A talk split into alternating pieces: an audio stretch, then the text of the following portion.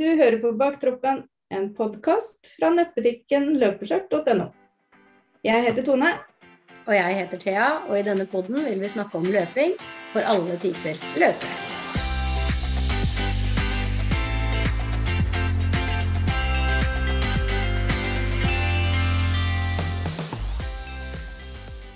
Halloen, Tone. Halloen, Thea. Der var vi igjen. Det var vi. To uker går fort. Det går veldig fort. Deilig. Mhm. Deilig. Åssen går det? Det går greit. Mhm. Jeg holder jo på med løpeprogrammet mitt, som jeg har fått av Ingrid Kristiansen. Mhm. Og det har stort sett gått greit, bortsett fra i dag. Da var det full stopp på disse leggene mine. Jeg løp på mølla i dag morges. Nei. Da måtte jeg avbryte Nei. og gå resten. For det var helt uh, De bare låste seg, så jeg måtte hoppe av to ganger. Så jeg tenkte at det her er ikke Det er det ikke vits. Så da tok jeg de første 25 minuttene, og så Ja, For det går på tid, ikke kilometer. Ja, det går på tid. Så uh, i dag skulle jeg løpe Jeg skulle gå ti minutter, og så skal jeg løpe i 30 minutter, og så skulle jeg gå fem minutter. Ja. Så etter da kvarter løping, da, da bare hoppa jeg av. Nettopp. Ja, ja. Og så følger Så- du en fart som du selv har satt, eller setter hun også farta for deg? Ja, jeg føler jeg sjøl har satt, for jeg skal eh, ligge under pulsmål. Sånn at ja. så lenge jeg ligger under den pulsen, og så det jeg føler leggene mine klarer å løpe, Nettopp. så har jeg stort sett løpt på sju km i timen på mølla. Eh, og det er jo Det er jo ikke fort, det. Men eh, jeg løp ute nå i helga, ikke på Bislett. Mhm. Jeg hadde langtur på to timer og 15 minutter, og løp den ute, for det var bar asfalt, og det var skikkelig deilig. Altså, det der har jeg sett flere plasser. ass. Det har jeg ikke sett på 100 år. Og det var skikkelig digg. Så da røyk Bislett for en gangs skyld. Jo, men her må jeg skyte inn, fordi at jeg er jo mye på Instagram, ikke sant? Mm. Her om dagen det ei som la ut at hun var ute og løp. Ja. Og nei, var det kaldt og guffent, og så kikka jeg rundt henne, så var det Det var ikke én snøflik! Jeg bare Nei. Kaldt og guffent, meg ass! Her har vi snødd inne! Dag ut og dag inn! Siste fem månedene! Kom ikke her sånn. og klag over litt kulde, liksom! Jeg bytter anytime! Ja ja, så da har du faktisk eh, Ja, da løp jeg faktisk ute. Det var skikkelig deilig, det, altså. Men eh, jeg er veldig glad for Bislett. For når det ikke er bare veier, så jeg orker ikke den der isen. Nei, det var skikkelig, skikkelig deilig, altså. Og det Men så, da når jeg skulle løpe igjen denne uka her, det var litt tungt. Når jeg tok første økta på onsdag, og så I dag var det bare helt stopp. Det var ikke, det var ikke sjans at jeg fikk flytta, flytta leggene i det hele tatt. Men hvor mange økter har du i uka? Eh, jeg har fire. Ja. Mm. Så jeg har to økter hvor eh, det er kombinert løpe og gå. Eh, og så er en økt hvor det er bare løpe. Eller det er ikke bare løpe, for at jeg starter med varme opp og nedjogg, der går jeg. Men eh, det er ikke det er ikke gåpauser, da, inni den derre eh, 30 minutters, 35 minutters økta. Den varierer litt på lengde. Hvor mange uker skal du holde på? Jeg har kjøpt oppfølging for et år. Fett! Mm. Det er gøy, Så nå er det første fire ukene som jeg holder på med siste uka. Så det blir veldig bra. Du kommer bare til å springe ah, så fort, så fort neste år. Bare fjom, fjom, fjom. Ja, får håpe det. Du- Er det du som kommer til å sitte og spise de middagene og drikke den ølen lenge før en annen kommer i mål? Åh. Ja, Får du Foreløpig ikke så lov å går være med i baktroppen mer, Tone? Nei, da blir jeg så kjapp. Ja. Jeg Men en annen ting hvor eh, vi eh, ikke var i baktroppen, for at det er jo det løpet vi snakka om sist, Winter Run, der eh, Ja. er vi jo litt mer midt i, ofte. Ja. Men der satt vi og lo av at vi hadde løpt feil. Ja. Trodde vi at oi, tenk om alle på løpet har løpt feil. Tenk om det er derfor vi har fått det for kort. ja. Og hva gjorde vi? Vi begynte å sammenligne Er er 10-kilometeren altså, mot 5-kilometeren. vi, vi har sittet, vi, på Strava. Ja. Og, og, og sjekka folk som har løpt, altså ganske mange òg, det er jo det verste. Ja, ja. Altså, vi, begynte, vi begynte jo å leite blant de som var på toppen og bånden mm. og midt imellom, og så de som hadde løpt 10-kilometeren. Og mm. vi mangler en sløyfe. Det gjør vi. Vi mangler Jeg tror det heter Skur 33. Det er hvis det er eh, Christian Radich eh, Der går du i hvert fall ut Der har tieren løpt rundt en bygning. Ut på en liten kai. Mm. Og det gjorde ingen. Det gjorde ingen på femmeren. Så enten så har de jo glemt å sette en vakt der, sånn som vi snakka om, det mangla jo litt vakter. Mm. Så Eller så har bare rett forbi. eh, Førstepersonen bare løpt rett forbi, og resten fulgt på. Ja. Mest Så det vi satt og lo av kunne ha skjedd, det hadde faktisk skjedd. Det er riktig, bare ikke der vi trodde. Nei. Fordi vi ser jo at det er flere Altså, de legger jo ut løypekartet. Mm. Og, og, så vi ser jo at det er flere justeringer, men det sto jo at det kunne komme justeringer. Ja, ja. Eh, og de fleste andre justeringene er jo like på tieren og femmeren. Men Mm. akkurat det er jo mest sannsynlig en 150 meters sløyfe. Sannsynligvis. Ja. For det var det jeg liksom reagerte på, var at eh, de på tieren fikk eh, ca. 9,7 km. De hadde Mm. også da 300 meter for lite. Og når vi også har 300 meter for lite, da henger jo ikke det på greip. Det skulle bli 600 på Trenger tieren. ikke å være hjerneforsker for å finne ut det. Nei, man gjør jo ikke det. Og da må nok den ha vært på 150 meter ca. Ja, det er nok riktig. Så, Så hva som har skjedd der, er jo kjempespørsmål, faktisk. Fordi det var Mm. jo snakk om bare Altså, for det første var det jo mørkere da. Så det var, hadde vært Mm. mer logisk at vi skulle ut der, egentlig, hvis de tenkte på glatte og sånne ting. ja, ja. Eh, men det er faktisk ingen på femmeren som har løpt eh, den lille sløyfa der. Nei, Det er ikke det. Så ja. vi har jo faktisk og, vi, vi fant jo ut av det før vi visste at vi fant ut av det, for vi satt jo med det som en kødd, at kanskje alle sammen egentlig bare har løpt feil. Men Ja. nå er jo teorien vår at vi faktisk har Vi løpt har feil. faktisk gjort det. Hele gjengen. Ja. ja. Hele gjengen. Alle på femmeren. Eh, Da veit de det til neste år at kanskje lurt å ha ei lita vakt framme der. Kan være lurt. Mm, Og de har jo sikkert samme løypa neste år, så det kan nok være lurt, det, ja. mm. Ja, da spørs om de er ferdig med veiarbeidet på Ja. Ja. ja. Men det var ok å være der altså. Jeg hørte Mm. på episoden vår etterpå, vi gjør jo som regel det, og den er jo altså Vi høres jo veldig negative ut, samtidig som vi ler, da. ja. Og det, og det skal sies at jeg er ikke negativ til vinteren overhodet. Nei, nei. Ikke jeg heller. Nei, nei, nei, nei. Hyggelig løp, hyggelige folk, hyggelig Ja, ja. alt som er. Det er liksom Men det måte... med løypa var et mysterium. Det var vel heller det. Hvor, Og nå har vi jo egentlig kanskje funnet ut at det var kanskje ikke deres feil likevel. mm. Altså, selvfølgelig burde det jo kanskje vært en løypevakt der, eller et godt merka. Ja, ja. Eh, men uh, nei, det var litt Mm. morsomt det der. Og så ser du inn på tieren etterpå og så bare Hei, de har en ekstra sløyfe! Uh. Mm. Men uh, dette har vi brukt ekstra Hadde vi fått lønn, vi, for å sitte sånn og, og knote med det vintergreiene? Det er løpenerding på høyt nivå. altså. Ja, fy fader. Og både, både, både det hvor lenge vi faktisk satt og snakka om det etterpå. Mm. Ja. Vi tok det opp på podden. Mm. Så begynte vi å snakke sammen, bare jeg og du. Mm. Og så har du og Stian snakka om det. Og så har vi begynt å sjekke stravaene til folk. Vi har brukt evigheter på det. Altså, dette har vært helt eh, psykopatisk ut. Men ja. nå tenker jeg vi kan legge den død. ja, nå har vi Vi fant det. Vi fant hva som var feil. Vi tror vi har funnet det, og er fornøyde med svaret, egentlig. Ja, det er vi. For da er, det, da er løypa tross alt bare 100-150 meter for kort, sannsynligvis. Det er Og bedre, det er det. eh, innafor, siden det har blitt gjort en justering en eller annen Det plass. blei gjort pga. glatta, så var, Ja. mangler det en, en nedgang der fra, fra festningen Mm. og ned. Ja. Så mest sannsynlig så ja. Mm. Nei, så det er løpenerding på høyt nivå. Det, det sier jeg. En trenger ikke alltid å løpe for å være en løpenerd. Nei, det Nei. trenger man ikke. Det er helt riktig. Ja.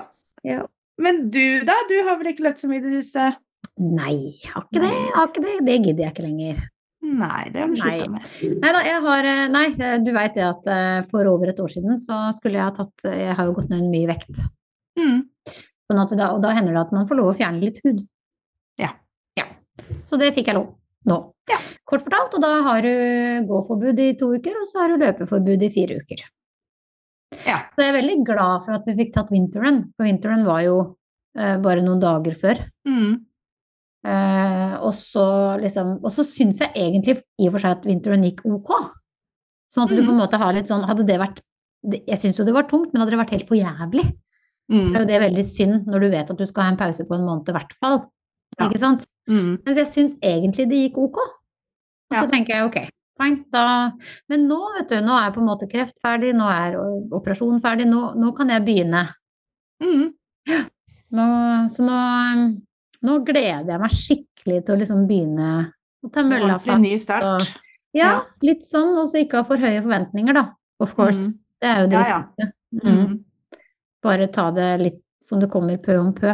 Fordi det, Mm. det med den huden også, da, det gjør jo at det er litt vondt. Ting er litt Ja. vondt når du løper. Mm. liksom. Så jeg er veldig Mm. spent på hvordan det vil være nå. Mm. Uh, ja, for jeg har jo følt at jeg har løpt med en rumpetaske på rumpa. ja, Det er jo kan jo ikke være veldig godt. Nei, det er jo ikke veldig godt. Det er jo ikke det. Det, er- det er en plage. Og, Ja. Så det har vært eh, fint, det. Altså. Så jeg håper at nå blir det bra, og at det Mm. blir en litt hyggeligere opplevelse å løpe. Ja, Mm. det blir veldig bra. Ja. Og da er det Drammen 10K, da, som er eh, første løp ditt. 10K og 5K. 5K. Ja. Og så Ja. skal vi på en liten ferietur i påsken, Mm. eh, hvor vi da faktisk drar til Amerika. Ja! Og da har jeg snust litt på dine løp, da, vet du. For du er jo, du er jo the America expert. Du er jo ekspert på å finne løp i Amerika.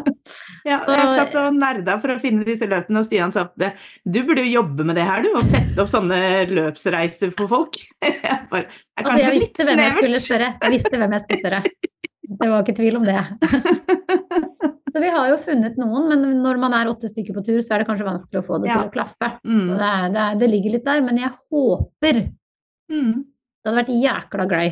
Men jeg gidder ikke hvis ikke det er medalje. Men jeg håper jo at jeg får til Mm. noe der i løpet av påska, da. Mm. Det hadde vært gøy. sinnssykt gøy. Mm. Utover det så er det Drammen, og du har ditt neste er Eh, det er eh, sentrumsløpet, det. Det er 27. april. Det er Det er jo mange, det er jo flere mellom der. Hvorfor skal du ikke være med i Drammen, da?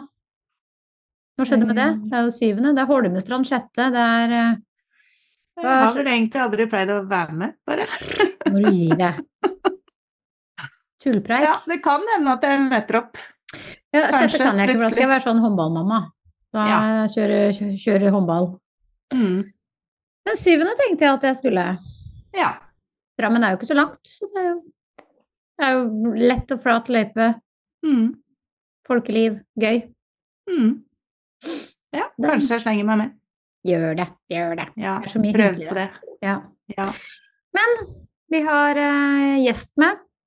det har vi. Stine. Vi har Stine, som eh, jeg ble kjent med på Instagram, som egentlig har vært mellom et samme ord som meg. Mm. Da blir det litt spennende å høre hva hun hvordan hun har lagt opp sitt løp i sin brystkreft. Mm. Det blir veldig bra. I dag har vi med oss eh, ja, jeg vil jo kalle det en liten, eh, veldig, veldig tiny, men ganske stor maskin allikevel. Vi har med oss Stine Solli. Velkommen, Stine. Tusen takk.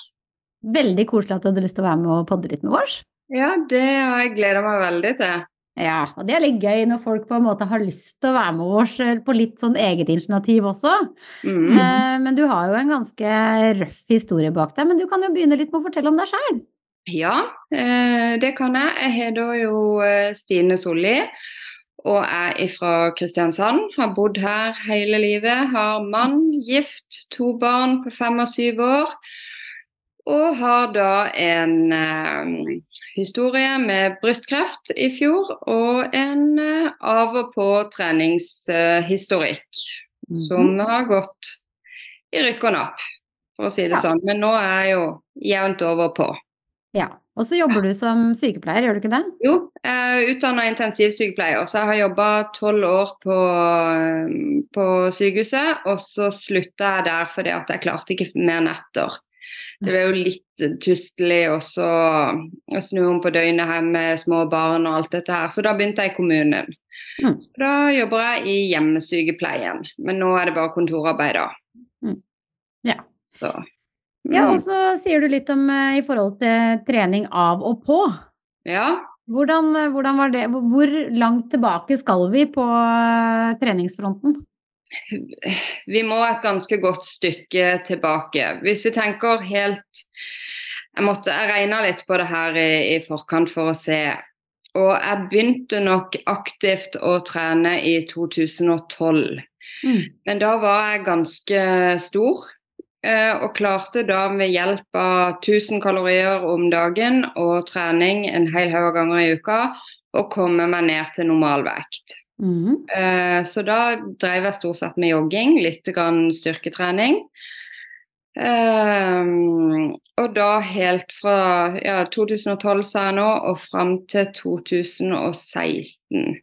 Mm. Og da ble jeg gravid, så da satte jeg meg til, vet du, med kebaben og hamburgeren og alt det som eh, hørte med. Ja. Så da gikk jeg opp vel sikkert 40 kilo eh, på de to fram til 2018. Ja. Så da på en måte hvor begynner du da etterpå? Skal jeg på'n igjen med disse her 1000 kaloriene til dagen, eller så hadde jeg hadde snust veldig mye på en sånn gastric bypass-operasjon eh, før dette. Men jeg klarte å gå ned sjøl, men da i 2019 så bestemte jeg meg for å gjennomføre den gastric bypassen. Ja. Så da gjorde jeg det, og etter det første halve året etter det, da, så, ehm, så var da hadde du hadde egentlig nok med å på en måte fungere og gjøre de dagligdagse tingene, for da orka du jo nesten ikke spise noe mat. Mm. Men da fra, ehm, fra vinteren eh, Ja, det var jo høsten 2019, ja. Og så fra vinteren da 2020 og fram til nå, så har jeg trent eh, seks dager i uka i hvert fall. ja. Ja, for da har jo du allerede det i bånn på en måte, for interessen har vært der. Ja, ja, ja, absolutt. Det var et det, altså, det var det avbrekket med, med graviditeter og sånn hvor jeg ikke trente, men utenom det så har jeg trent. Og altså, barndommen min nå har jeg jo spilt håndball i alle år og på en måte hatt et aktivt liv for det om jeg alltid var stor når jeg var liten. Mm. Så um, treningsinteressen har vært der, ja. Mm. Og så tar du da den gastric bypassen. Eh, For imellom der så er det mest jogging du driver av med, eller er det styrketrening også? Ja. Nei, imellom der uh, så var det stort sett jogging. Mm. Og Var du med på noe løp? Ikke da, tror jeg. Eh, jo, det var noen sånn tre kilometers eh, lokale greier i, i Kristiansand en eller annen gang i løpet av de årene. Men, eh, men ikke noen sånn store, store ting, tror jeg da, nei. Nei. Nei. Ja, da har du liksom på en måte den gastric bypassen 2019, så går det et halvt års tid. Mm. Og så får du et Setter du opp et program, eller er det på en måte du sjøl som lærer deg underveis? Nei, da fikk jeg meg PT med en gang. Å ja, du gjorde det, ja. Ja, jeg gjorde det. Mm. Med en gang jeg følte at um, Jeg begynte først å jogge litt og sånn, og så fikk jeg meg en uh, PT som uh, jeg trente med en gang i uka, og da lærte jeg en del i forhold til styrketrening. Mm. Men jeg likte fremdeles best å jogge, sånn at hvis jeg trente en gang i uka med han, så jogga jeg fem-seks dager i uka. Å ja, du gjorde såpass mye, ja. Mm. Ja da, ja. Det var full, full gnu når du først uh, Jeg klarer liksom ikke å gjøre én ting litt. Det blir på en måte, det er på en måte full fart. Eh, men da når du da jogger fem-seks ganger i, i uka, og gjerne fra ja, Stort sett så var det 7-8 km per gang, eh, men det kunne også bli opp i 10-15. Ja, nettopp. Men da ender du jo med plantarfasitt. Veldig Mm. ofte. Yes. Riktig. Mm. Så da i, um, i 2020 var det vel, så hadde jeg meldt meg på et halvmaraton i Oslo. Det var vel i september, er ikke det noe Oslo Oslo Maraton er i september i hvert fall. Ja. Det var nok det jeg hadde meldt meg på. Og så eh, kjente jeg jo bare hælene ble verre og verre, og det jeg måtte gå på sko inne. Det var, men det eneste som var, det var ikke vondt å løpe. Mm. Det er jo litt dumt, for jeg kunne jo løpe det jeg ville ute, men jeg kunne jo ikke gjøre noen ting annet utenom inne. Jeg lå jo opp med beina på puter, og det var jo helt eh, Hadde en sånn Google-runde sikkert du òg, på hvordan Ja, bli kvitt plantarfasitt. Jeg husker at Jeg jobba jo på sykehuset da, så jeg husker en av de legene, en av de kardiologene da. Er det ikke en av dere som bare kan ta oss og snitte opp den muskelen? Praktisk, da, var det. Det men det var ingen av de som følte seg komfortable med det, dessverre. Nei. Kanskje greit. Men da fant jeg ut for at ikke, for at ikke jeg skulle ødelegge um, beina mine helt da, så var det kanskje greit å å la være med det løpet. Ja. Så da meldte jeg meg av tre måneder før. Men Mm. det sitter jo ennå og gnager. At jeg ikke jeg har fått den medaljen for det halvmaratonet som jeg skulle delta på. Mm. Så det er jo der det kommer Jeg begynte å høre på dere, det er vel kanskje to-tre måneder siden. Mm. Og begynte å høre mer og mer og mer, og fikk mer og mer og mer og mer lyst til å løpe. Så da endte det med at jeg nå har meldt meg på et halvmaraton til sommeren. Ja, Det ikke sant? Det er jo Mhm. kjempefantastisk. Har du da eh, Men, men imellom eh, 2020, for det var da du skulle vært på det halvmaratonet, var det ikke det? Jo. Jo, så kommer det jo brått en liten kreftdiagnose inn her, da. Ja da, det gjorde jo det. Eh, før den eh, kreftdiagnosen så, eh, så skjønte jeg jo at jeg kunne løpe på det nivået der lenger. Så da eh, begynte jeg på, eh, på SATS med PT da, og begynte med mål som altså kunne klare en pull-up, pull løfte min egen vekt på knebøy og sånne ting. Og syns egentlig at det etter hvert ble vel så gøy som å løpe. Mm. Um, og rodde mye på romaskin og sånn. Eh, og så til slutt, det var vel i begynnelsen av 2022, tenker 20, slutten av 21 eller noe, så fikk jeg sansen for crossfit og begynte med det.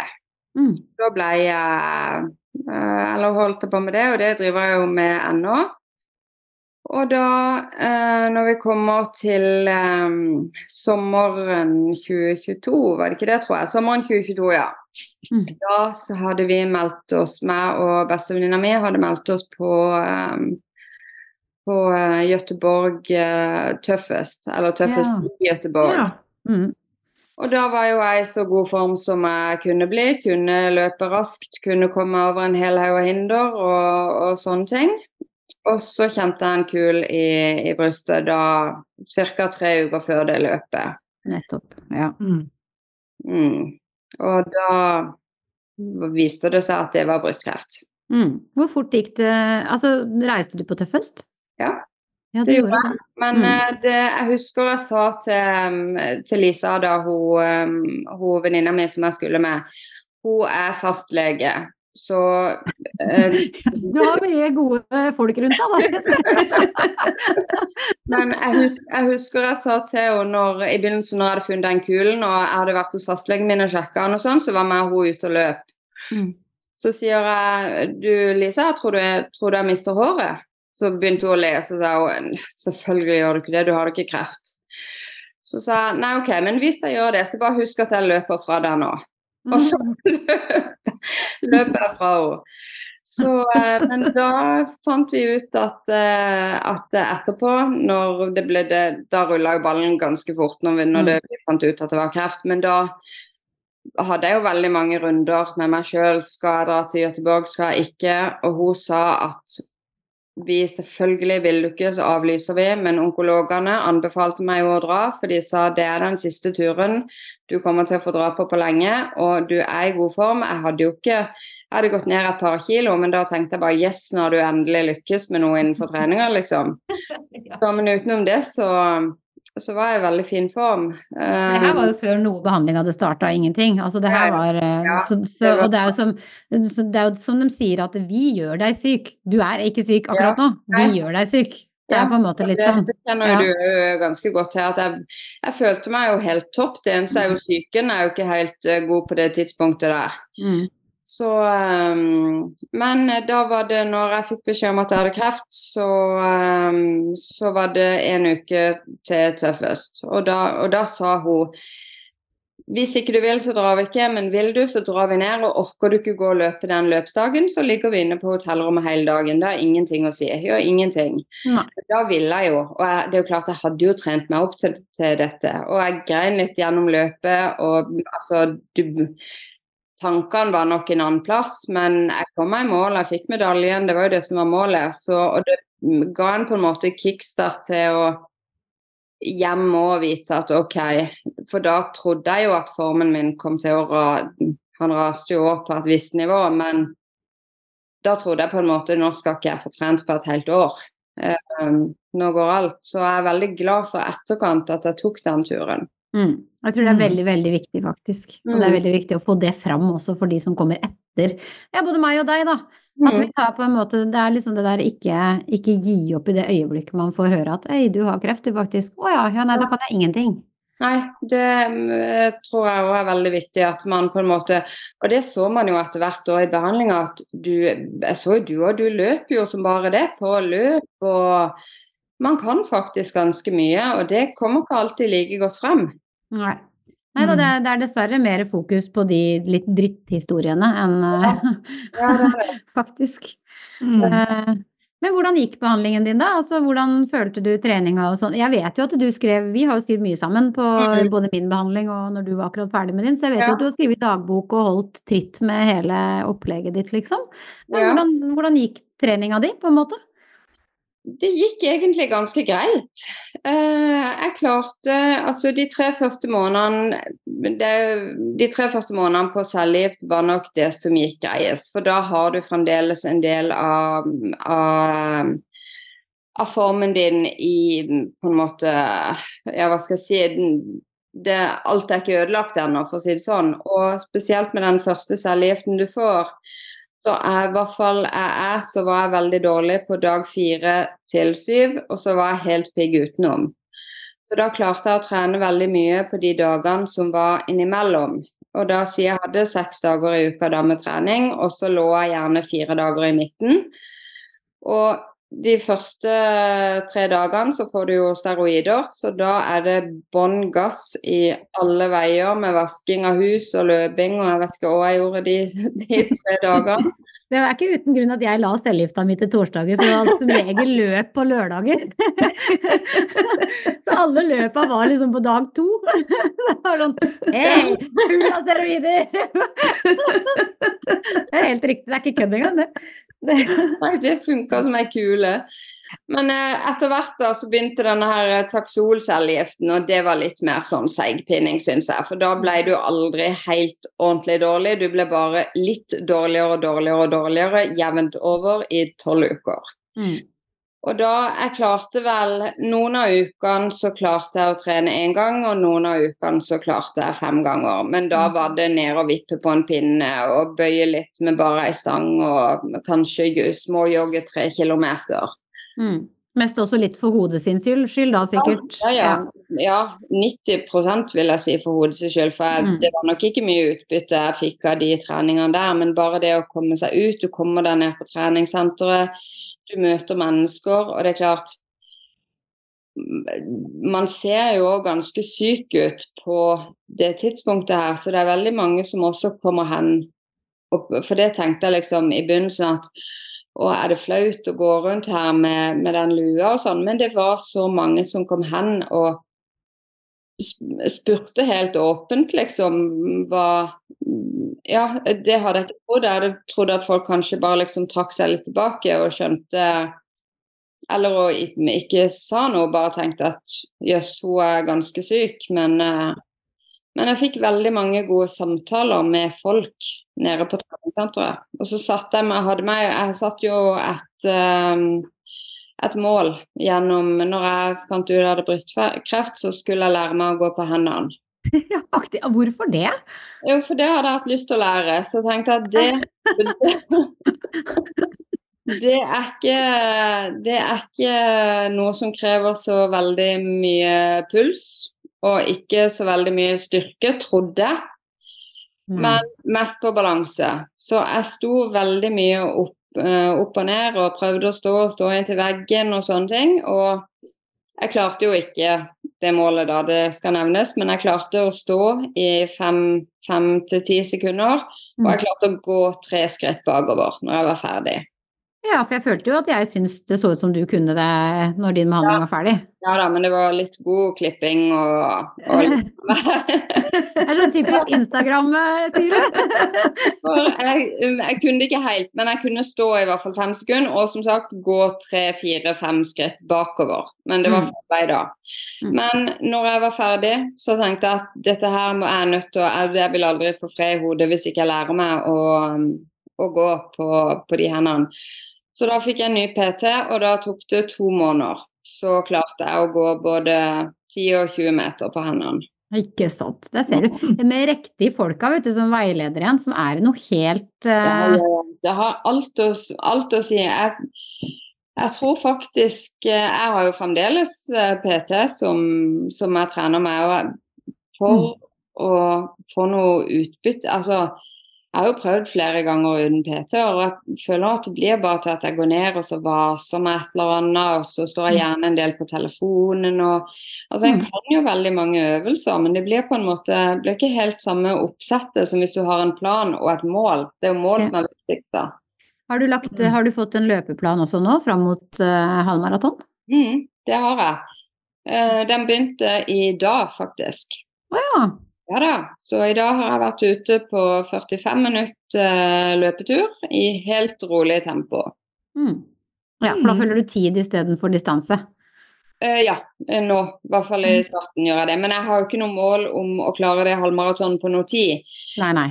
At, at um, jeg vil jo i mål før det har gått to og en halv time, og det hadde vært kult hvis jeg hadde klart det på under 2,15. Men om jeg bruker tre timer, så er det det, er det samme så lenge jeg klarer distansen. Mm. Er det medalje der, eller? Ja, det Vi er akkurat like opptatt av medaljer. Hvilket løp er det du skal være med på? Eh, sommerløpet i Kristiansand. Ja, det er i juni? Ja, juni. 15. Ja. juni, tror jeg. Mm. Ja. Mm. Det er det. Men åssen Mm. har kroppen din eh, vært Nå er det, er det seks måneder siden du var ferdig på cellegift, eller? Eh, nei, det er vel en Jeg var ferdig på cellegift i mars. Ja. Så det er vel faktisk snart ti måneder siden. Mm. Mm, Tida flyr, altså. Jeg vet det. For, eh, I går når, i går skrev jeg en post på Instagram om eh, Siden det var verdens krefter i går. Og jeg føler nå at det begynner å komme litt på avstand, altså. Det, og det har tatt litt tid å komme der. Det tok eh, Jeg følte ganske lenge at det var tett på, men nå ser jeg at eh, Ja, for jeg husker du var liksom litt redd for den der, for jeg husker du sa det at du var litt redd for at det var kreft andre steder, og du var liksom litt Ja, ja. sånn Men siden oppgår går så så jeg at du skrev at ikke du var så redd for tilbakefall lenger. Ja, jeg har lagt det helt fra meg. Men altså, det måtte jo en, eh, en MR av hodet til, og litt sånn eh, vet, Min svigermor er hudlege, og jeg fikk eh, henne til å sjekke gjennom alle føflekkene mine. og Mm. Så vi har på en måte hatt en, en grundig gjennomgang, da. At, Mm. at jeg vet at uh, det er i hvert fall ikke noen knagger å finne noe på. Mm. Og så har jeg på en måte jeg, jeg får jo ikke gjort noe mer heller enn det Altså får jeg tilbakefall, så får jeg tilbakefall. Jeg gjør jo det kreftlegene anbefaler. Det er, du kan Mm. ikke gjøre så mye mer. Og, du er, og som sagt, som de som har hatt kreft, det er jo, de blir jo fulgt opp veldig mye bedre enn de som ikke har hatt kreft. Mm. Mm. Ja da. Så prøve å tenke det. At eh, Ja, da så prøver jeg å tenke litt sånn at eh, vi har i hvert fall en kreft som er tatt ut og er blitt behandla forebyggende, mens mange Ja. får jo kreft som er en kreft som du behandler sjølve kreften. ja, Så for vår del så har vi egentlig vært den heldige kreften. Ja, ja, ja. Det er jo stygt å si det, men det er jo akkurat sånn det er. Så det er ikke for å bagatellisere vår brystkreft eller noen andres brystkreft, for kreft er kreft, men uh, man har sett mye fælt på radiumen, for å si det sånn. ja det kan du eh, Ja, Mm. det var jo mye på radiumen, ja. Mm, det er nettopp det. Det Men hvordan er kroppen din? Hvordan responderer eh, Hvordan er puls og, og kropp nå når du er ute og løper? Du løper jo fort, du er jo ikke en baktropper, det kan jeg jo ikke si at du er. Jeg er ikke veldig rask.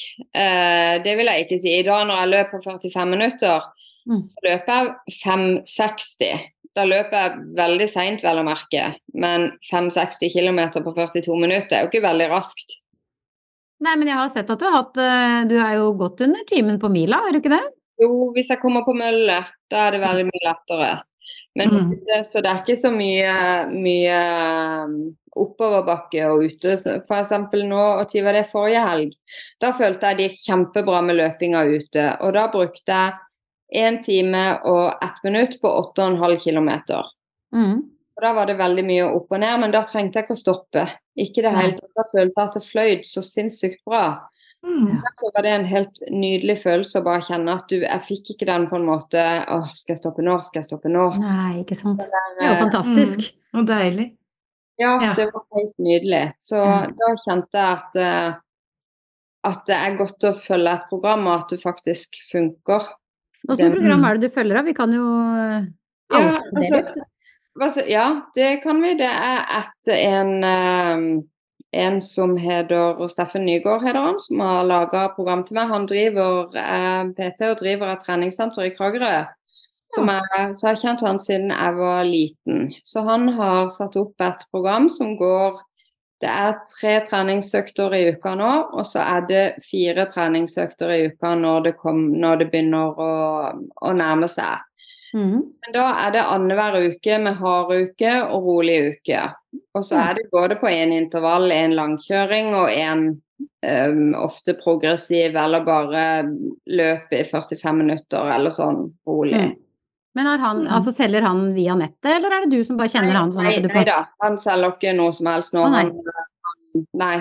Det bare, det bare at jeg har kjent han siden jeg var liten, så han var grei å sette opp det. Ja, det var jo kjempebra. Mm. Herregud. Så nå skal du ha løpeprogram da fram, helt fram til sommeren? Mm. Mm. Med jevn økning? Ja. Så Mm. eh, jeg, må jo, det er jo, jeg så sinnssykt redd for å få den plantarfasitten tilbake. At, eh, og så er det sånn, jo mer man begynner å tenke på løping, jo mer lyst har jeg til å klare å fullføre et maraton. Og så tenker jeg på da må jeg i hvert fall løpe mer enn tre ganger i uka.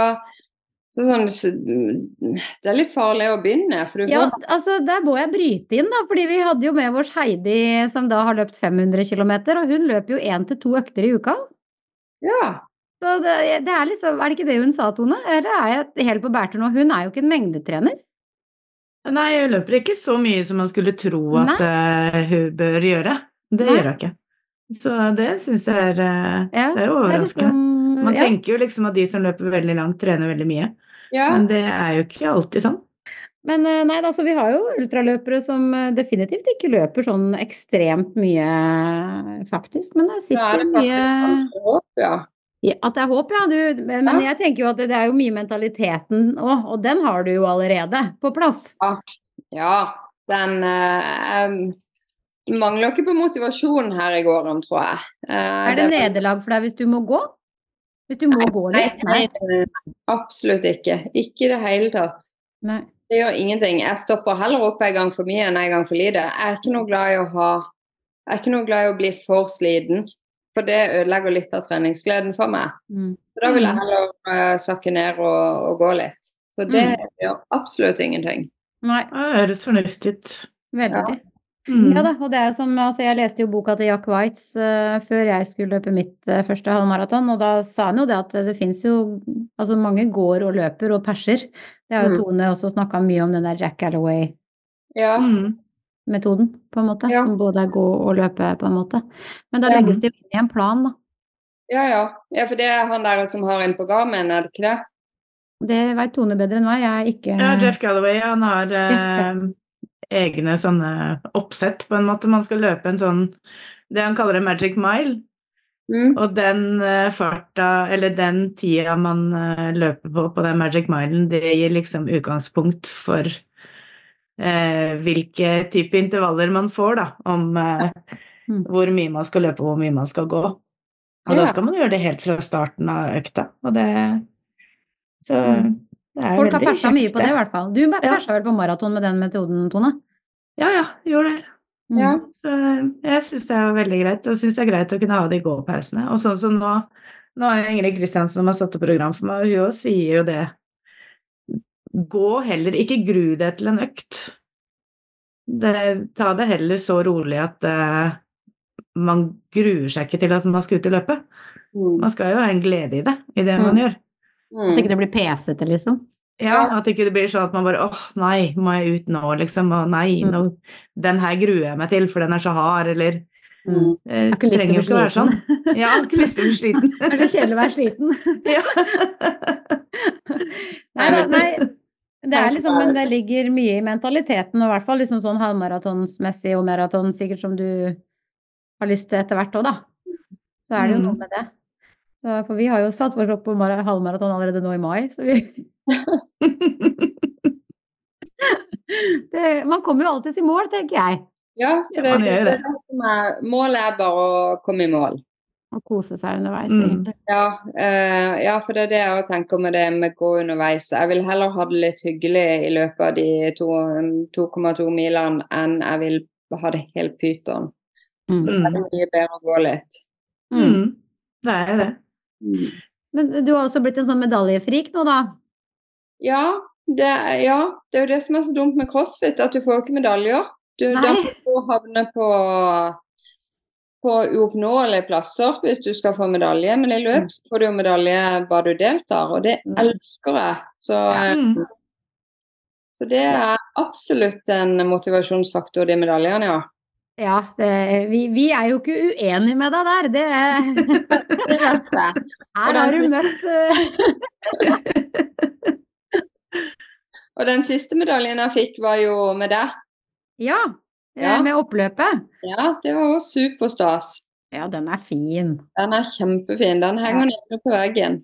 Ja. Men hva er neste løpet nå? Altså, hva er neste løpet? Det er jo ikke halvmaraton som er neste løpet, du har vel noe? Eh, Ja, jeg har meldt meg på KRS Ultra. Det er i april, så da skal jeg løpe én mil. Ja. Ja. Eh, og så kikker jeg litt etter, etter etter. ett til. Og så har jeg sett litt på eh, Det er jo etterpå, da, men jeg har sett litt på Mandals maraton. Det er i august. Om jeg da skal løpe halvmaraton en gang til, kanskje med enda mer mål på ti. Mm. Men jeg har lyst til å ha et eller annet til med ei, ei mil før det halvmaratonet. Men jeg vet Mm. ikke hvor mulig det blir. Det blir et eller annet lokale greier, noen fløymiler eller, eller et eller annet sånn nede i Kristiansand. ja, for du har jo Mm. egentlig ymta litt frampå at det er litt lite løp i sør. Ja, veldig lite løp i sør. Ja. Så er det bare meg som er dårlig til å leie det, eller så De jeg nevnte nå, er de eneste fire som jeg vet om. ja. Har du vært Mm. inn på runagain.com og sett? Ja, men der får jeg bare opp sånne ting i Sveits, og jeg mistenker at det er meg som er dårlig til å Ja, det er litt langt å reise til Sveits, jeg er litt enig i det. ja. Når man først skal, liksom, så ja ja, det er nå så. Men du skrev litt om at pulsen din var litt høy ennå. Nå er det jo snart et år siden du eh, var ferdig med behandling, men du kjenner på det ennå, gjør du ikke det? Jeg gjør det. Eh, Jeg ser at pulsen min er veldig mye Jeg kan løpe eh, og være i snakketempo, men jeg ser at på klokka så løper jeg i sone fire. Mm. Hvordan var det før sjukdom? Nei, altså Jeg kan ikke huske helt om jeg fulgte så veldig nøye med på, på pulsen før. Før Eller annet enn at han var normal, på en måte. Da, jeg, jeg kan ikke huske at jeg har tenkt over at jøss, hvorfor er jeg så høy puls nå, når, når jeg egentlig kan snakke. Mm. Eh, Så jeg tror at han var til og med normal. Men jeg jobba jo på hjerteintensiven i Kristiansand, og så jo da, når jeg gikk på cellegift, at jeg fint kunne bikke over 200 i puls. Mm. Så da var jeg jo tok masse undersøkelser av hjertet, og så at eh, hjertet mitt tålte den belastninga og sånne ting, at det gikk greit. Mm. Um, og det gjorde det, sånn at det er på en måte ikke noe farlig. Um, det er nok bare cellegiften som har gjort at, eh, Mm. at det blir Var det sånn. du som fortalte meg at pulsklokka nesten registrerte litt eh, før du fant ut at du hadde kreft? Ja, det var meg, ja. Men det var ikke på pulsen. Eh, det var på HRV-en. Ja, riktig. Ja. Ja, jeg er veldig opptatt av dette her med HRV og eh, bodybatteri og, og alt dette. Og de målingene de gikk rett til grunns hele klokka mi i eh, måneden før jeg fikk diagnostisert brystkreft. Nettopp, ja.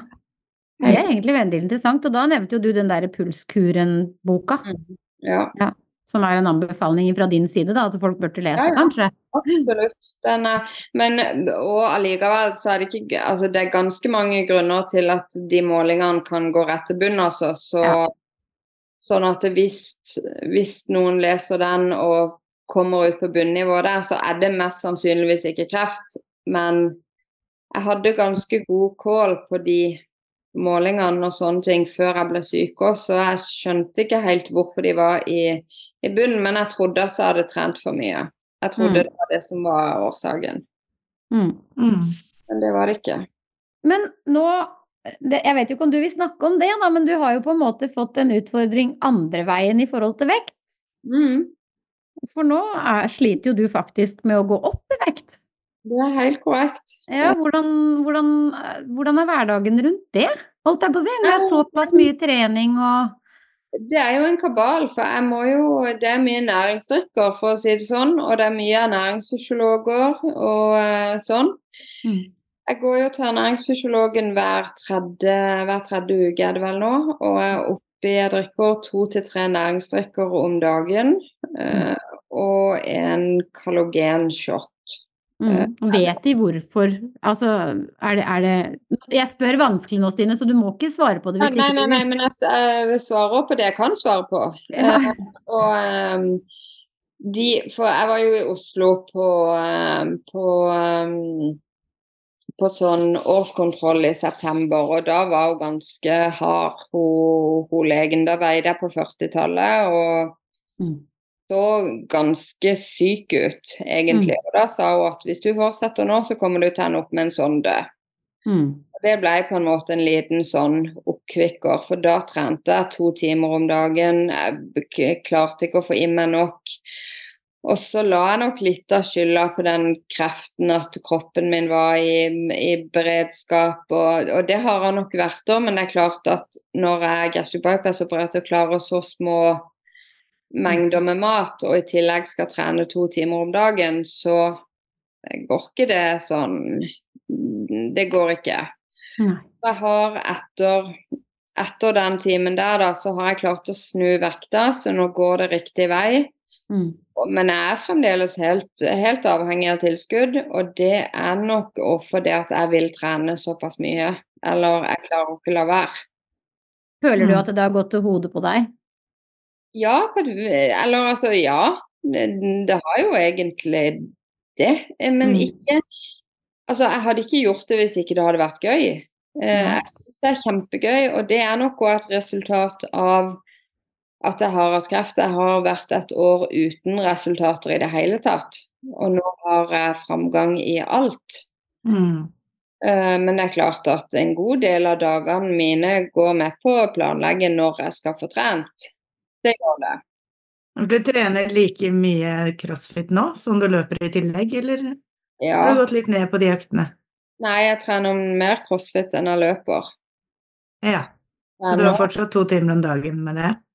Eh, ikke to timer om dagen, nei. Jeg har Nei. fire til fem timer i uka med crossfit, og så tre Ja. timer med løping. Mm. Oi, ja det er ganske mye. Ja, det er mm, Det er mer eh, mye, ja. Ja. Det er det. Men, men du tenker ikke eh, Det er liksom ikke blitt en sykdom for deg i tillegg, det? Nei. Nei. Det, nei. Det er liksom ikke for å holde vekta, liksom. Det her er for å bli sprek, på en måte. Ja, nei, altså det er nok fordi at Det er jo et veldig sammensatt problem, men det er jo fordi at jeg syns, syns at det er gøy. Mm. Så Mm. er det fordi at jeg, altså det er jo en del bivirkninger av den hormonbehandlinga. Og en av de bivirkningene som jeg har, er at jeg tåler veldig dårlig sånn konsentrasjon-ting, stress-ting. eh, Sånn. Og når jeg trener, så slapper jeg helt av. Da tenker jeg kun Mm. Så kan jeg bare jogge og koble ut hele hodet, eller så kan jeg løfte de og de vektene. Så det har på en måte blitt en avslappingsstrategi. Mm. Mm. Den hormonbehandlinga, det den, den tar dere begge to. Det er Ja. etter brystkreft. Ja, Ja. vi har litt forskjellig regime på det. For du har vel tamoxifen, har du ikke det? Mm.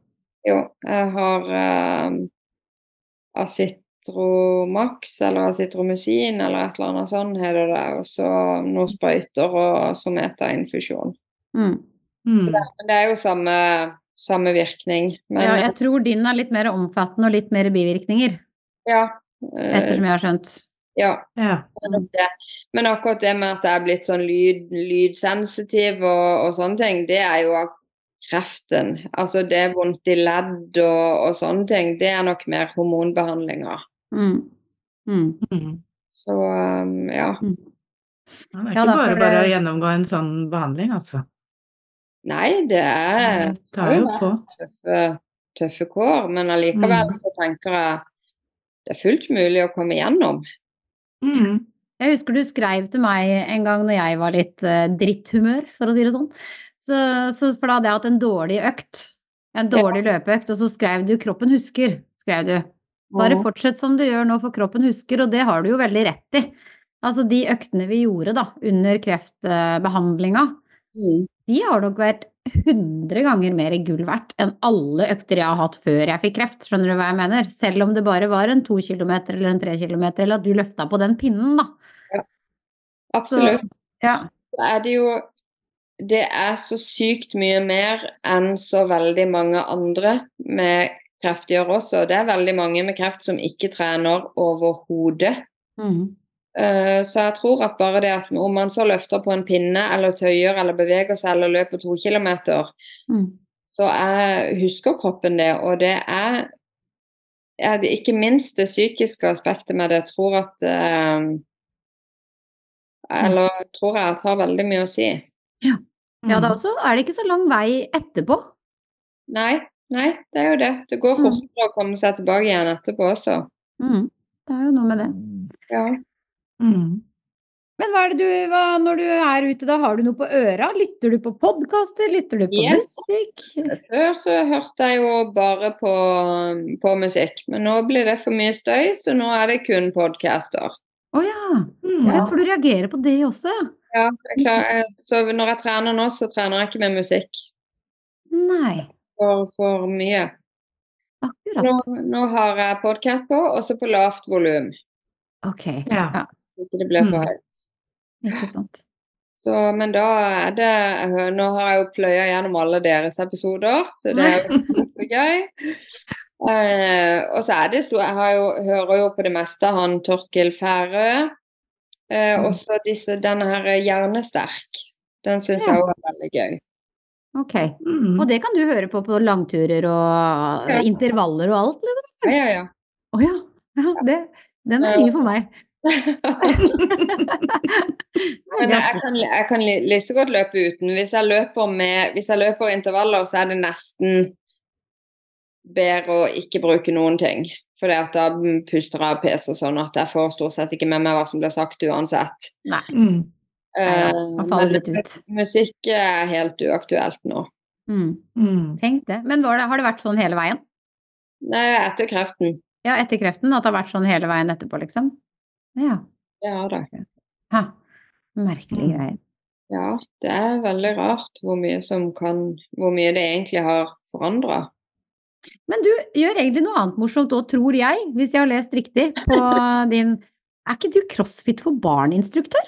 Å jo, jo. Det, er, vet du, det har jeg akkurat begynt med. Ja, det er Det litt er gøy. gøy. Det er kjempegøy. Kan du ikke fortelle litt? Jo, eh, jeg begynte med det. Det er vel Kan det være tre, tre uker siden jeg begynte sånn ordentlig, holdt jeg på å si. Men det er jo eh, det er tre, Altså crossfit og crossfit, det er jo lek med vekter. Mm. Så vi er, det er vel en el, mellom, el, mellom 10 og 20 barn cirka, som kommer hver torsdag. Eh, I alderen fra 6 til 12 år. Og så er det å tilpasse øvelser. Vi har jo sånne små, bitte små eh, dumbeller fra 1 kilo opp til 5 kilo. Bruker de tung, det tyngste. Mm. Og så bruker vi pinner, og så står vi litt på hodet og stuper kråke. og Det er veldig gøy. Og jeg trodde egentlig at eh, de syns faktisk det er veldig gøy å bli slitne. Jo, Mm. jo mer vi jo, mer, eller jo tyngre vi løfter og jo mer repetisjoner, det er jo gøyere, syns de der, altså. Så det er, det er veldig gøy. Jeg tror at eh, Eller jeg er veldig opptatt av idrett for barn og få det inn tidlig. Jeg tror det har mye å si for idrettsglede framover. Mm. Hadde du det selv når du var liten? Ja, jeg spilte håndball og Ja. synes det var hele Vi har vokst opp i en håndballhall, holdt jeg på å si, hele Mm. gjengen hos oss. Mm. Så eh, Ja. det er viktig. Jeg er helt enig. Eh, Idrettsglede for barn, det er kjempeviktig, faktisk. Ja. Så det er jo helt topp. Men det Mm. Vi pleier jo alltid å spørre om beste og verste løpsopplevelse, men da har du noe å sette knaggene dine på der eh, enn så lenge, holdt jeg på å skulle sagt? Ja, eh, det har jeg. Altså, min, nå kom jo den ganske nylig, men den beste løsopplevelsen min var den jeg hadde her for en eh, tre, tre uker siden. Når jeg klarte å løpe hele den eh, 8,5 km-løypa uten å stoppe.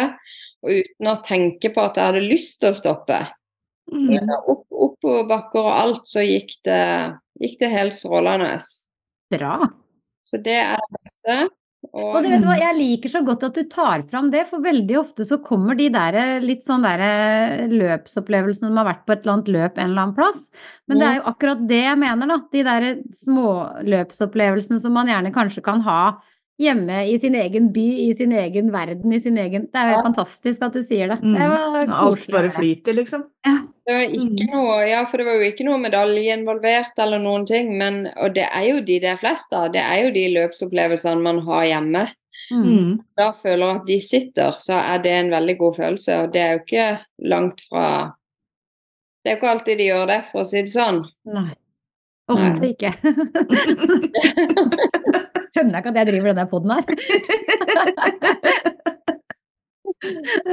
Vi snakka om før. Ja ja. Men hva verste, da? Eh, verste er jo definitivt når du tuller med magen. Når du er Mm. kommet et godt stykke ut i, ut i, ut i løypa. Mm. Og det har Den verste er vel den gangen det gikk galt. I Mm. bunnen av Helmyrbakken. Og du da har én kilometer med oppadgående vei hjem. Uff. Det Og det er så vondt, for det er så mange som opplever Og det er så tabubelagt, og så er det Ja, så mange som sånn- opplever det. Ja. Ja, og så, du kan jo ikke ringe til noen heller og få de til å komme og hente deg. Det er liksom å knytte jakka rundt livet og prøve å komme deg hjem. Håper du ikke møter noen kjentfolk. Ja, ja. ja og så tror Altså, alle tror jo at det er bare meg som opplever dette her, og så er det bare sånn eh, Nei, nei. 99 nei. er borti en eller annen Ja. Ja, så det, hvis man skal løpe Jeg prøver å kontrollere litt hva jeg dytter inn i magen før jeg løper. Og hvis det er altså løp og sånn, så er det framme i modium og, Mm. og Mm. Helt uh, Risikerer ikke noe der, nei. Nei. Så det er liksom ikke sånn at før ditt halvmaraton nå, så skal du uh, kjøre på med noe nytt, kanskje, Nei. den dagen? Nei, det skal jeg absolutt ikke. Jeg skal ikke kjøre på noe nytt. Og jeg skal ta i hvert fall to tabletter i Modium. Og ja, Mm. prøve. Men det er vanskelig det der med magen. Og spesielt når du er gastric bypass operert i tillegg, så har du ikke på en måte alltid helt kontrollen på, på den maven. Nei. Nei, nettopp. Ja. Mm. Ja da.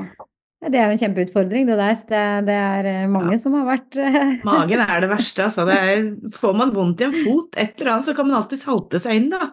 Ja. Men magen, den er liksom, det er midt i kroppen. Ja, spesielt når du løper ut langs veien og sånn også. Ja. Du får liksom ikke gjort noe. Nei, Det er liksom Nei, det er fryktelig. Ja, ja. Ja, det er helt nydelig. Ja, ja, så da er planen din i hvert fall litt sånn småtteri nå fram mot eh, sommeren og halvmaraton. Ja, nå er det, det eh, den eh, mila gjør i april, og så er det halvmaraton i juni. Mm. Eh, og så har jeg jo meldt meg på eh, Skandinavias største crossfit-konkurranse i oktober. Oi! Oi. Det, det, Hvor er Oslo, Oslo Showdown. Så der skal meg og ei venninne delta på i oktober. Ah, Da handler det jo litt om å ikke løpe vekk alle musklene også før mm. det. Mm. Mm. ja, for du føler ikke at det er en vanskelig balansegang? Altså at, etter, at du etter hvert må velge, da? Jo, men jeg, altså, jeg har jo ikke tenkt å komme på et nivå på noen av tingene som jeg føler at jeg må velge. Eh, jeg tenker at jeg, får jo en del kondisjon inn i, i crossfit, og Mm. jeg er fornøyd hvis jeg får løpt tre ganger i uka. Mm. Og det har jo vært i med den vekta mi og sånn òg, så har jeg jo det siste året så har de jo ikke villet at jeg skulle løpe eller trene noe som helst av kondis for å gå ned, ned i vekt. Og Mm. nå får jeg jo endelig lov til det igjen, så da er det jo litt gøy med den løpinga òg. Da er det jo klart at det Mm. trigger mer til at jeg vil løpe mer òg, så jeg prøver på en måte å holde det 50-50, sånn at jeg kan gjøre Mm. begge deler så lenge at jeg syns begge deler er såpass gøy. Mm. Ja da, Mm. altså, så fremst det ikke, som du sier, går utover en av de andre, da. Sånn hvis du skal Ja. delta på crossfit, så kanskje løpinga ødelegger for det, og så Ja, Mm. nei, altså jeg tenker hvis jeg skal være med på noen konkurranser, sånn som i tida rett før det halvmaratonet, så kommer jeg nok til å konsentrere meg mest om løping. mm. Og i tida rett før Oslo Showdown, så kommer jeg nok ikke til å løpe så mye. Mm. Men enn så lenge så vil jeg prøve å kombinere begge to, og så få det beste fra, fra Begge begge sidene. Mm. Mm. Mm. Det er kjempebra. Åssen er hvordan, Du har ikke merka noe til plantaren nå? Eh, Jeg fikk jo litt halvpanikk i går, for jeg kjente et stikk i, i hælen etter å ha løpt. Men nå løper jeg i dag, og da var jeg litt sånn usikker på Jeg har sånne Nike Zoom-sko, men de har nok sett sine dager. Så i dag prøvde jeg å bytte Mm. et par når jeg var ute og løp, og de vet at der er dempinga god. Mm. Nå har jeg ikke kjent noe etter det. Kjempeviktig, Mm. vet du, med de skoa, ja. Ja, det er nok det. Så det er jo god grunn til å gå og kjøpe seg nye sko. Ja. Det er alltid så Trenger er ikke så god god unnskyldning. grunn, eller? Det er, bare det er mandag, det er jo en god unnskyldning i seg sjæl. Ja. Ja, men det er jo helt fantastisk. Ja. Har du noe mer du vil på en måte tipse folk om, eller på en måte litt sånn Ja, du er jo en, en liten, men stor maskin, som jeg sa innledningsvis. Det er jo mye styrke i deg, liksom. Du, du gir jo ikke opp. Nei, nei, jeg føler vel ikke at jeg gir opp. Nei, da, du har jo små barn i tillegg, og på en måte Ja. Det er jo Hvordan får du det altså, til? Nei, det er jo tidlig i morgen. Jeg er jo tidenes A-menneske òg, da. Men det krever jo litt. Jeg legger meg jo tidlig på, på kvelden. Jeg legger meg stort sett mellom, mellom seks og åtte. Å ja. Ja da. Så, um, så det går jo på bekostning av noe. Jeg har en mann som både kan levere unger og legge, legge unger. Og så jobber jeg jo Det er jo klart nå Jeg har jo Jeg går jo Jeg jobber 40% men alt går via Nav og AAP for å prøve å finne en, en jobb som jeg, jeg vil jo tilbake i 100 det er jo det som er målet mitt. Mm. Som å finne en stilling som jeg vil kunne klare å, å stå i. Mm. Men jeg kommer ikke til å klare å gå tilbake til hjemmesykepleien med tolv besøk om dagen. Og jeg er nok nødt til å inn på et kontor av, av noe slag. Mm. Mm. Da får jeg jo mer tid, så da har jeg jo mer tid på dagen til å, å gå gjennom eller å trene. Og, og så er det jo den kombinasjonen med at jeg føler at jeg lader batteriene når jeg trener. Mm. Det om jeg bruker de også på et vis. Mm. Så det er det som Det er en Ja, det er jo viktig at man får jo den energien Mm. av å trene, og ikke bare Brukerne. ikke gå i minus. Ja, det er jo det som har vært at jeg på en måte Jeg føler at jeg tapper mer batterier hvis jeg ikke får trent, for jeg går bare sånn Mm. og nå jeg føler jeg vil gjøre noe, jeg føler jeg må gjøre noe, og Mm. Samtidig klare å holde de hviledagene for at du faktisk skal få noe utbytte av treningene. Mm. Ja, hvordan er det å holde hviledagene? Så var det gårsdagen du tenkte på, eller? Jeg følger jo med på deg, da! Nei, jeg, jeg pleier å klare å holde søndager, men i går gikk det litt skeis. Eh, det gjorde det. Men, men jeg tømmer meg aldri helt på hviledager. Men jeg eh, kan gjøre ting som jeg har lyst til å gjøre, f.eks. sykle litt, eller gå på hendene, eller klatre i tau, eller løfte en spesielt øvelse. Det er ikke sånn at jeg går ut og ser hvor kjapt jeg klarer å løpe en mil på en hviledag. Det gjør jeg aldri. Men aktiv hviledag, det er jeg veldig god på. Mm. Ja da, og jeg tror jeg så Du var vel på mm, Du var jo på sånn opptrening etter behandling i noen uker. Og der Ja. lærte dere vel litt akkurat det der med å skulle ta det med ro? Ja, Det, det var der det gikk opp for meg hvor viktig det faktisk er å ta Mm. det med ro. For det at du vil ikke klare å bygge opp kroppen din, og der nå er jo ikke er i nærheten av det nivået der, men i forhold til toppidrettsutøvere, så er jo det, det er der de ryker i omtrent alle tilfeller, fordi at ikke de klarer å hvile nok. Mm. Mm. Eh, For da klarer de ikke å prestere. Så der fikk jeg på en måte øynene opp i hvor viktig det faktisk er å, å ha de hviledagene. Og, og det er jo en av grunnene til at jeg sover så mye, fordi at jeg restituerer veldig godt når jeg sover. Mm. Mm. Og um, Mm. Ja, nei, for jeg så du hadde jeg tror det var en dag her du satt og så på film. Og bare sånn Ja, nei, nå skal vi sette oss og på film. Og så gikk det tre sekunder. Ja, så lang tid tok det! Var du ute og gikk? men, men det er også det er bare, Film er jo ikke min greie, for jeg klarer ikke å konsentrere meg heller. Så Mm. film var egentlig et dårlig Hadde jeg lagt meg til for å se på podkast eller et eller annet sånn, noe jeg ikke Mm. måtte ponse om, så hadde det kanskje gått greiere. mm. Mm. Eh, Nei. Nei, nei, jeg pleier å si at jeg må se på sånn hjernedød eh, TV. Altså reality eller et eller annet sånt noe. Det kunne jeg nok ha prøvd. Det kunne òg være funka. Mm. For det er liksom sånn, sånn som du må konsentrere om er ikke Nei, jeg er enig. Jeg klarer ikke heller det når jeg skal slappe av. Nei, det er vanskelig. Ja, ja. Men det er helt fantastisk. Har du noen flere spørsmål, Tone? Jeg lurer jo på om du har et sånn bucketlist-løp, da. Om det er noe du har lyst til å være med på, noe som henger litt høyt der oppe? Ja, altså nå er det jo generelt sett bare et maraton. Ja. Og, da er det jo New York Maraton som Mm. har vært det gøyeste i hele verden. Mm.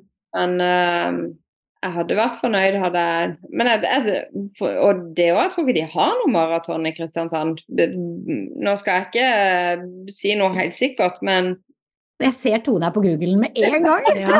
Jeg er inne på terminlista på, i, Kondis. KRS Ultra har de har både maraton og ultraløp, faktisk. Ja, KRS Ultra, der står det 1 km, halvmaraton og 60 km.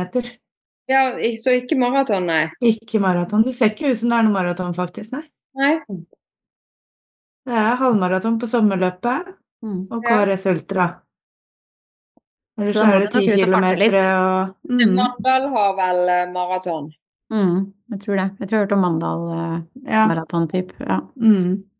faktisk. Men, um, men det er noe, det er det som er, vet du. Alle sier at det er så billig og gratis å løpe, men den der fartinga rundt omkring, den er ikke mye billig. Og utstyr, det blir en del utstyr òg. Skal du ha sko og ja. Mm.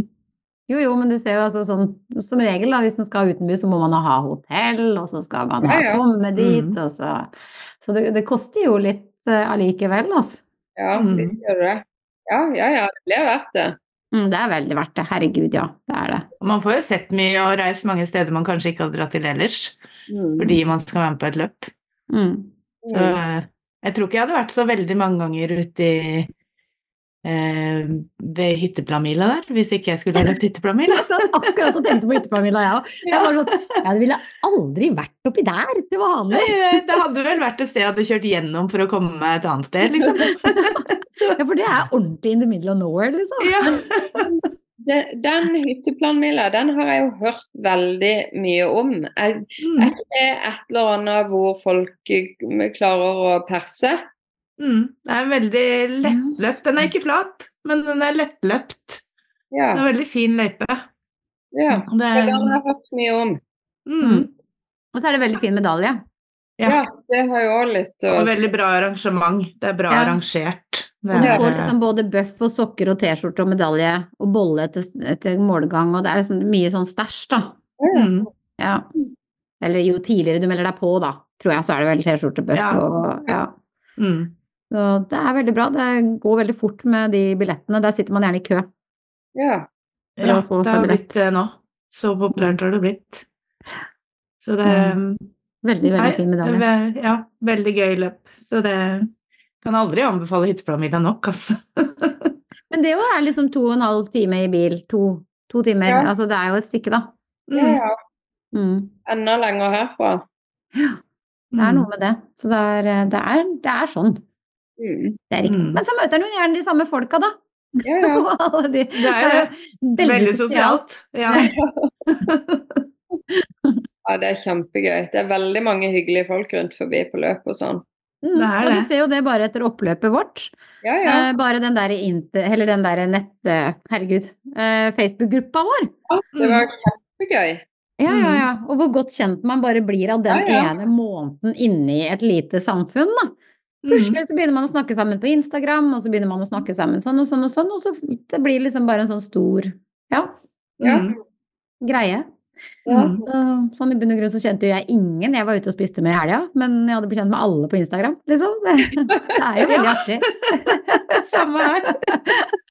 Ja, ektemannen din var med da, Tone, men ikke Ja, du, ja. Han var med, men ellers Ellers er det jo liksom folk jeg har blitt kjent med gjennom løpeskjørt, da. Mm. Det har vært veldig mye. Så Og der kom jo servitøren bort og lurte på hva vi dreiv med, fordi vi hadde jo medaljene på oss. Ja. Og da, og da satt jo Conny der. Conny er jo fantastisk. Conny er jo så strålende og godt humør bestandig. Hun bare 'Hva er det dere har gjort?' 'Nei, vi har løpt, vi', sier Conny. 'Og vant dere', sier hun derre dama da, for vi hadde jo medalje. Og Conny bare 'Alle vant'! For da var det etter winterrun. Det var etter vinteren, ja. Mm. Alle vant! ja. Hun skjønte ikke det helt, hun servitøren, at vi skulle sitte der med medaljer når vi ikke hadde vunnet, men det Medalje er medalje. ja. Det er helt ute. Ja, ja. Mm. Jeg tenker at vi har fått det med Er det noe mer du ville si da, Stine? Nei, Jeg tror jeg har fått uh, snakka om det meste. Mm. Mm. Veldig bra. Veldig motiverende for andre. Inspirasjon for andre som både på en måte ja, har vært syke, eller kanskje kommer til å bli, dessverre. Er det jo mange som gjør det også. Mm. Det er jo bare sånn livet er. Så fins det da Jeg kaller det en liten solskinnshistorie, jeg. Er ikke det greit, da? Det er, du har jo på en måte kommet ut av dette her ganske styrka. Ja, eh, jeg er veldig fornøyd med åssen det har eh, gått. Jeg er det. Mm. Mm. så takk for det. Mhm. Ja, nei, det, det er jo sånt. Det er liksom, aktivitet er jo viktig. Det er jo ikke for ingenting at de kom med Aktiv mot kreft i sin tid. Nei. Nei, det er sant, det. Og pusterommet. Mm. Ja, og pusterommet, ikke minst. Mm. Så det er jo, det er jo det er en grunn til det. Mm. Det er en kjempeviktig ting. Da sier vi takk for i dag, og tusen takk for at du ville komme, Tine. Ja, det var veldig fint. Og tusen takk for at jeg fikk komme, det var veldig hyggelig. Plutselig så må vi ha deg inn igjen etter halvmaratonen ditt, vet du, for å høre hvordan det gikk. Ja. Det er jo det hadde, Har du lyst til det, da? Det må vi. Ja, ja, ja, gjerne. Ja, nå har du enda mer motivasjon til å gønne på i det halvmaratonet. ja, da kan det være Enten så er jeg kjempemotivert for maraton, eller så Vi tar det ikke dagen etter, med andre ord. Nei, men da sier vi da har vi en plan på det. Da skal vi høre hvordan det gikk Mhm. med Stines første halvmaraton i Ja, juni. Da Ja. ja. Takk for i dag, folkens. Takk for i dag. Ha da.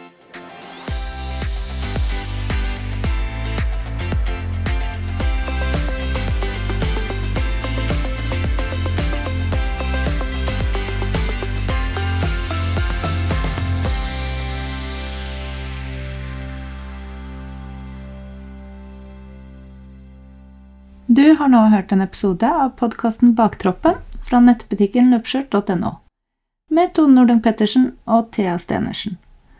Podkasten er redigert av Eileen Marking Nordang. Hos Løpskjørt finner du et stort utvalgt treningstøy og praktisk tilbehør til deg som løper. Nettbutikken finner du på www.løpeskjørt.no.